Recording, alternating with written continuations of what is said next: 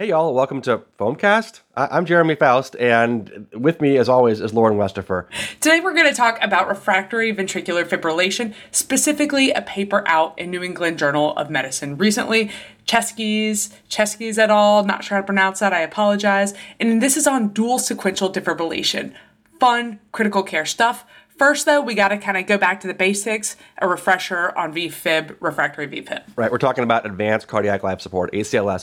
One of the most consistent predictors of good outcomes in cardiac arrest is the presence of a shockable rhythm, something to do, to something to light up. Uh, VFib, ventricular fibrillation, or ventricular tachycardia, VTAC, these are things that are amenable to electrical defibrillation, the mainstay treatment for, for VF and VT, and decreased time to defibrillation is the thing that matters. It's known to improve the likelihood of survival and a successful conversion. You, you, you get a perfusing rhythm, you get per- patient survival. And look, you got to do chest compressions. You have to keep on the chest, and you're doing CPR just to buy time to do that work of the heart until you get a defibrillator there, you get the pads on, and then you can finally get that first attempt. But the earlier you attempt defibrillation, the sooner you can convert to a rhythm that's perfusing to the body and that can actually save a life and get a good outcome. Yeah, like get that patient to the cath lab where they probably need to know, go because it's probably an MI or something along those lines. The current guidelines are to do CPR until you get that defibrillator applied and until it's actually charged. Then you pause for a quick rhythm check, very clearly not a pulse check, not a pulse check. We don't do those. And then defibrillate if it's VFib or VTAC, and then immediately resume CPR. Not these long checks. You, you're pausing just to deliver the actual shock because you've already charged, and then you resume CPR. Yep, I've long been a short pulse check or p- short pause stand. You know, like don't pause long.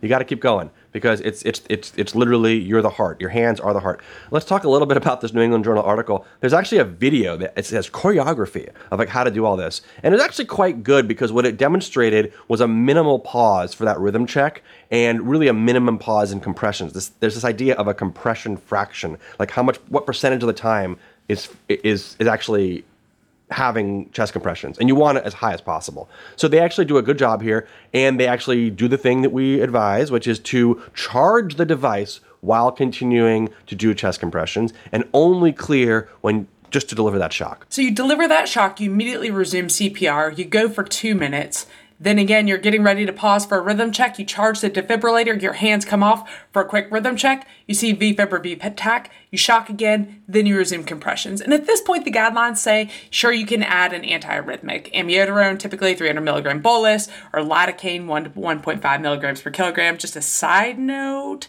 the effect that these have on patient centered outcomes is questionable. That, like survival to hospital admission, it might improve. It hasn't really been shown to improve stuff like survival with good neurologic outcome, except for maybe in those that probably are going to have the best chance, anyways. So back to what we're doing. We've done CPR, we've charged and defibrillated a couple times. So, okay, you're going to do this. You're going to give your CPR, you're doing your defibrillation, you're doing more CPR, you're giving your meds maybe. And then now we're in this cycle. Like, what do you do next? And this is when you ask, have we reached what you might call refractory? In other words, it's just what we're doing doesn't work. Three times and we've gone through this three times and you know what? We're not having any capture. We're not having return of circulation. That's called refractory vfib uh, refract- refractory ventricular fibrillation. And really for the past 18 years or so we've been seeing case reports and case series talking about can you increase the voltage of defibrillation by using two defibrillators simultaneously so it's like just double that dose, right? Double, uh, double uh, sequence, right? And this idea of or dual sequential defibrillation, and this is something that has been popular in the foam world for a while. So it's kind of nice to see uh, this picking up in a real trial. Another thing that people have talked a lot about is the vector. That is like where the pads are, right? You could have an anterior pad and a lateral pad, or you could change the vector of that electricity by putting the lateral pad on the back. And the question is, does that work? Does so does a vector change work? So we've got a couple of things to, to really sort through here. Yep, and what we're covering today is a trial that is built on a pilot trial. So you may be like, it's not just all these retrospective studies, there was the Dose VF pilot trial. So this is the follow up to that that we'll be talking about today. Right. So it's a large randomized study, which is a big deal. This, again, Cheskes et al., New England Journal of Medicine. And they randomized 405 patients. So what they're comparing are three different ways of doing this. There's the double sequential external defibrillation. So, in other words, twice as much, shock them twice at once. Then there's this idea of vector change or VC, which is changing the pads from front side to front back. And they compare all that to the standard defibrillation, which is front and side. And this was a cluster randomized trial in Canada among six paramedical services, so six like EMS agencies essentially. And what they did with the cluster randomized trial is you randomize each cluster. So each agency was sort of randomized into which strategy of defibrillation they were going to do first, um, and then where they crossed over to from there. So the whole agency, not just like each patient, is being randomized. It's at that level. And who they included was patients that were 18 years or older, so adult patients who were out of hospital cardiac arrest and had refractory VFib. And they used the definition that sort of has been most embraced, which is you got three standard shocks and you ain't converted yet. You're still in VFib. Um, and here they specified that all those standard shocks initially were in the anterior lateral position.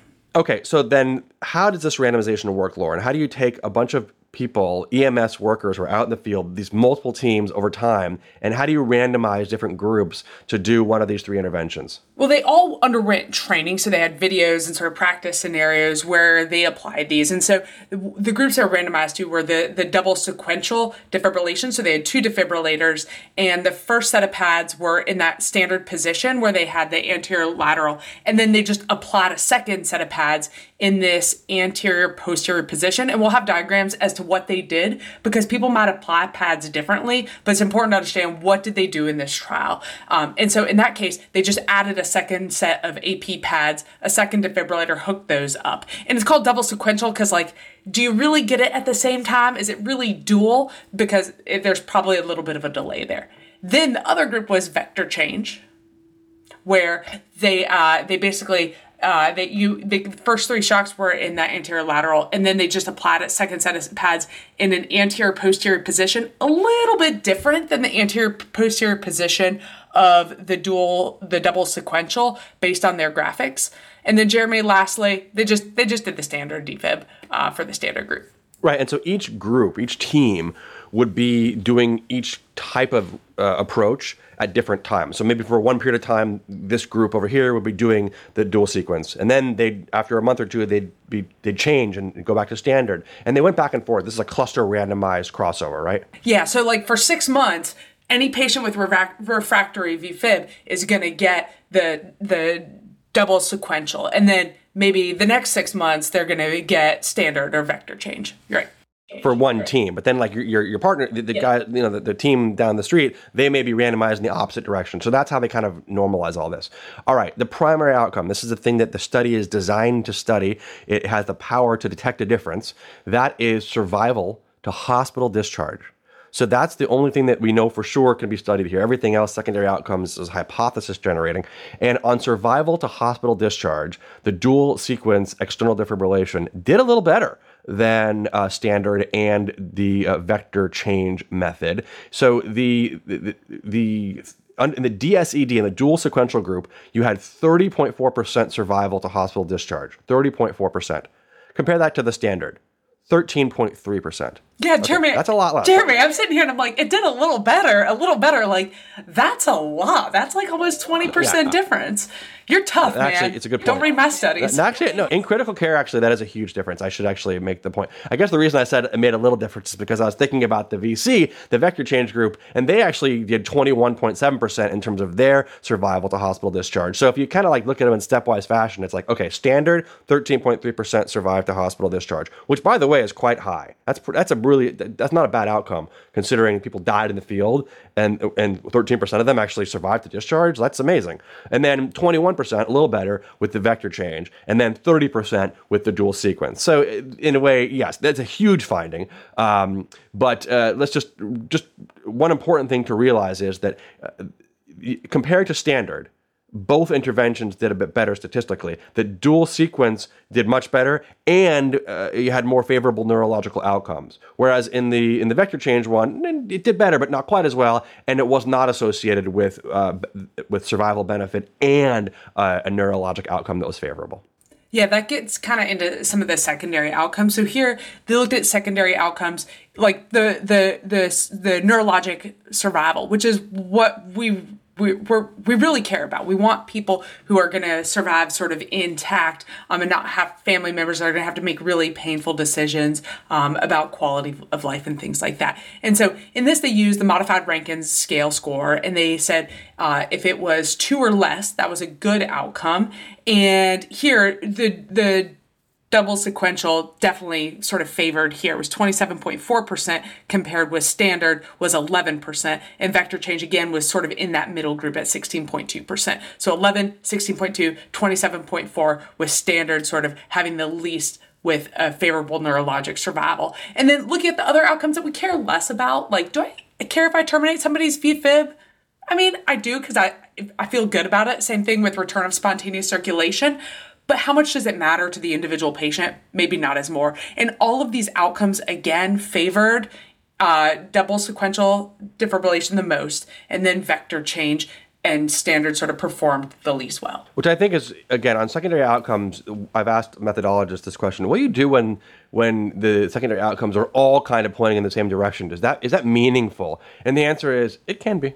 Not always, but it can be meaningful. You know, it, it depends on how the trial. It depends on the balancing, right? Are the patients still resembling each other? Because they're kind of matched uh, at the top, but they're not matched here. So it just depends. In this case, I think it's compelling. Yeah, I think the other thing to think about is like, could it have been something else? That was that caused that caused this um, or that was associated with this. And maybe it's not the shock at all. Maybe it's something else. Uh, but the termination of vfib if that went in a different direction that might give me some questions right? Like if you didn't right. terminate much more vfib in the double sequential group i'd be like well what happened? What was it? What was right. different about those groups? And i think that's probably why we need to talk a little bit about what the patients looked like in this study what their events looked like because often the context matters. It's kind of different if you have an arrest uh, out of hospital than in hospital. It's also different if you have a hosp- uh, an arrest at an airport or at a casino versus if you have an arrest in your in your bed and you live alone yeah, what we're really talking about is is sudden cardiac death. Like one minute you're walking around and pulling a slot machine, and the next minute you're on the ground with VFib arrest, as opposed to like, oh, you've been convalescing in your home for weeks with like COVID and also cancer, and then you know you go into a into an unperfusing rhythm. So patient characteristics: early 60s, mostly male. A lot of these events were witnessed, which gives you a good sense of like that wasn't prolonged downtime. Which is why the even in the standard group, which is getting good ACLS, they still had 13 percent outcome eh, or, or, survival to, to, hospital discharge. Uh, over half of these patients got bystander CPR, and the EMS response time was seven and a half minutes. So this is a pretty best case scenario, I would say.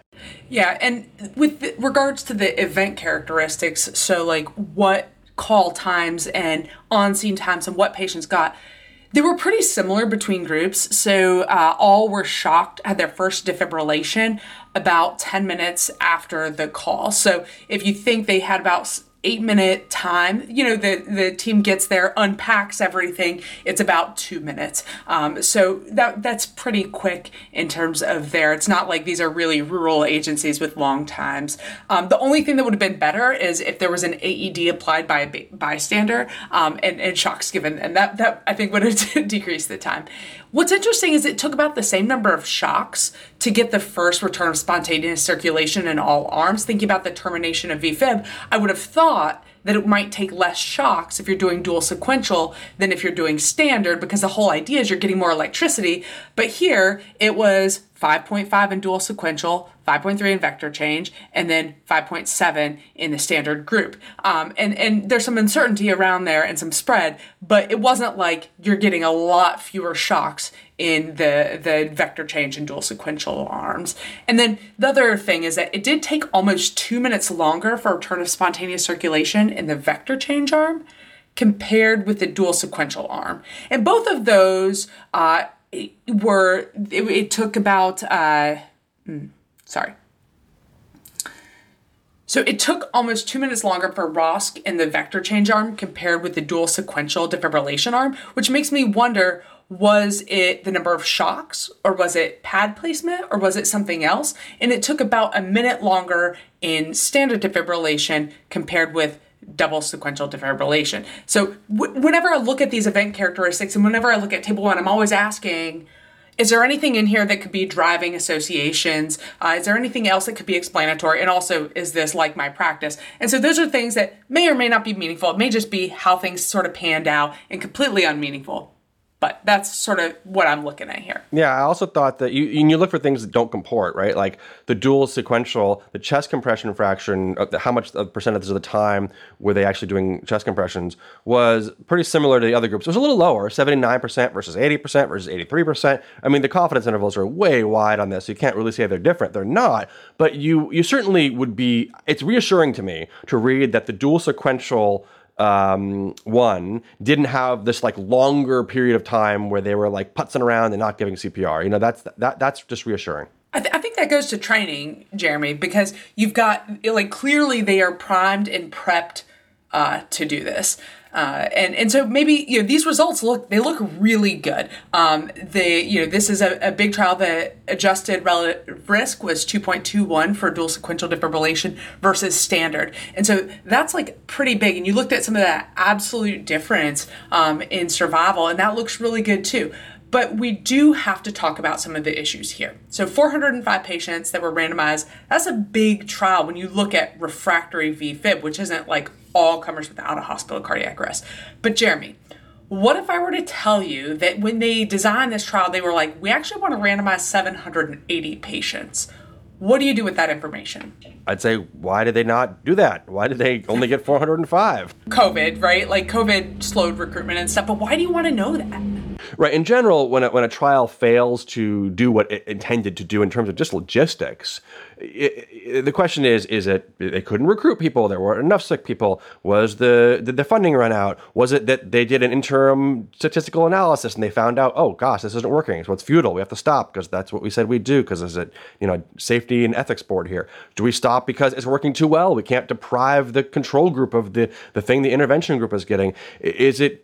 Did we fall short because eh, you know what? Turns out this is just too hard. No one can do it. So you always want to know why, and you also want to think about Mm, can you really have any idea what would have happened if they had actually completed the intended study? Exactly. Like here, I don't know. We don't know would would the effect size. Often it's sort of overestimated. You look at a lot of trials, whether whether it's beta blockers in uh, non cardiac surgery, uh, activated protein C for sepsis. A lot of these things were stopped early for benefit, and it what happened is they overestimated the effect size. Um, and when the subsequent studies, when they tried to repeat it, oh, turns out that's like not real life what happened. Um, what else did you notice in this trial? What else are you you thinking about? I'm always thinking about, especially with what amounts to a randomized controlled trial that's a quality improvement endeavor uh, everyone knew that they were in a study, right? So even the control group, even the group just doing standard, is kind of, you know, for lack of better words, on best behavior. Like, oh, we really got to see what's going on here. And I, you know, I, I, don't think that people are sitting there being like, oh, we're we're just doing the control right now, so we can half-ass it, um, and that would actually make the intervention look better, right? But I think it's actually what ends up happening is everyone in all three groups tends to, I, I would think, just kind of be a little bit more on it than they normally would. So anytime you tell someone, hey, we're studying improving outcomes in CPR and we're going to do three things, uh, all three things will get better because what matters is people are doing their best. Yeah, one, one other thing I noticed here is that we talk about randomization and they, they tend to balance out baseline characteristics. And when you do a randomized trial, typically the statistical analysis is an intention to treat analysis. So it measures the effect of assigning patients to the treatment but what happens is sometimes when that happens, they the patient gets something different. So maybe they got a different antibiotic, but or in this case, maybe they were assigned vector change, but they actually got standard defibrillation or they got double sequential defibrillation. So whenever I'm looking at a trial, I want to know what happened, what was adherence to whatever the patient was randomized to. And that's sort of looking at like as treated, what would happen. And so in this case, adherence to standard defibrillation was really good, which makes sense because that's standard, it's easy, uh, it's pretty straightforward. Adherence to the other two was not. So, adherence to double sequential was pretty good, but 12.5% got standard defibrillation. Vector change, on the other hand, 20% about got standard defibrillation who were randomized to vector change. And so, when you look at an intention to treat analysis, it's counting all of those people in there that got standard defibrillation as if they got vector change. Same thing with double sequential defibrillation. And so you you do that type of analysis to make it you know in the real world people may not be compliant with things there may be non-adherence and so it kind of gives you that idea and preserves that baseline randomization. However when you look at the other analyses some of the effect goes away. So for example these authors in the appendix they did an as treated analysis. So that's what the patient actually got and neither was statistically significant compared with standard defibrillation in those analyses. So the adjusted relative risk was 1.38 with 95% confidence interval that span one, uh, and same thing with vector change, it was 1.13, 95% confidence interval 0.72 to 1.78. Now you can't just look at that and say, well, that means it didn't work there are probably other important differences and again you lose the, the randomization um, sort of baseline differences. Yeah exactly. And you lose the power. I mean look you, i mean both point estimates are above are, are, you know above one suggesting that you know they did a little better but but is is the randomization still correct? Do they have the power? I'd love to see a trial that was powered to actually tell us even if it's you know it's powered to pick up intention to treat and as treated and per protocol. So that way we, we could say, oh look, even if these things fall apart, we can actually at least say we had the power. Although of course you always have to make sure that you can you can go back and say, look, the patients remained evenly matched, or they didn't, or you know. So then you could kind of be, get a little more than like, well, Eh, we're not sure. Yeah, and, and here they, they they looked at it multiple ways. So they looked at what happened with the per protocol. So per protocol is when you basically exclude anyone that got something outside of that. So non-adherent, you crossed over, bam, you're out. So the numbers are much smaller here. And with they did an optimal per protocol uh, analysis. So basically, they said, so we're going to only look at those people who their fourth shock was what they were supposed to get and exclude everyone else. So maybe you actually, like, there was a timing thing happen and your fourth shock was standard, but your fifth shock was dual sequential or whatever. Uh, so they, then you were excluded from this analysis. Um, and so there, both performed really well about what we saw in the intention to treat analysis. Again, I look at this and I'm sort of like, so it, it looks like there's probably an effect there, but I can't really explain why in as treated, except for it was really small numbers. Here you're looking at 18 outcomes, 35 outcomes per arm. So it's it's when you look at small numbers, and and especially when it's not powered, and in a study that was cut early and didn't sort of achieve their sample size that they had targeted. Uh, I come up with a lot of questions here, Jim. All right. So in 2020, ILCOR, the International Council on Resuscitation, suggested against routine use of double sequential external defibrillation to treat cardiac arrest with a shockable rhythm. That was Nolan et al. Based on this study, though, what would you, if you were in, in, you were you were medical control and someone calls you and says, "Hey, I got a patient in the field, witness cardiac arrest. Should we do uh, double sequential? Should we do vector change? Well, what would you do?" Well. and you know this, but it, my last shift, this this happened is you know it, there was a patient refractory uh, VFib, three shocks. They uh, had given amio and, and they called in and said, "Can we do dual sequential?" And it was a great team. They were like sort of prepped. They had they had trained. Um, they'd gone over and, and practice and stuff. And uh, and I said, "Yeah, sure." I mean, you know, at, at that point, they still yeah they still had time. And my thought is, let's get the patient to the cath lab because in this young person with otherwise some good features pointing to potential good neurologic outcome, good survival. You know, I think uh, they had the resources, they had the ability, and the important thing is that they understood. And we talked about compression is the most important. If you if you take time if you take time to get the pads on, roll the patient, do all these things, which in the pre-hospital setting is really hard, then you lose whatever you'd gained um, by by trying to get another shock. Maybe then they deteriorate into PA or asystole. Yeah, I, I just want to just stop and highlight that because a lot of people listening to this will be like, ooh, dual sequence external defibrillation is going to save lives and have better outcomes, neuro outcomes. And they're going to be talking about this in journal clubs. And, and I, yes, yes, yes, yes. But what I want everyone to realize is that these researchers and these teams in Canada and Canada, uh, they did the thing that's so important, which is that they did everything else right first.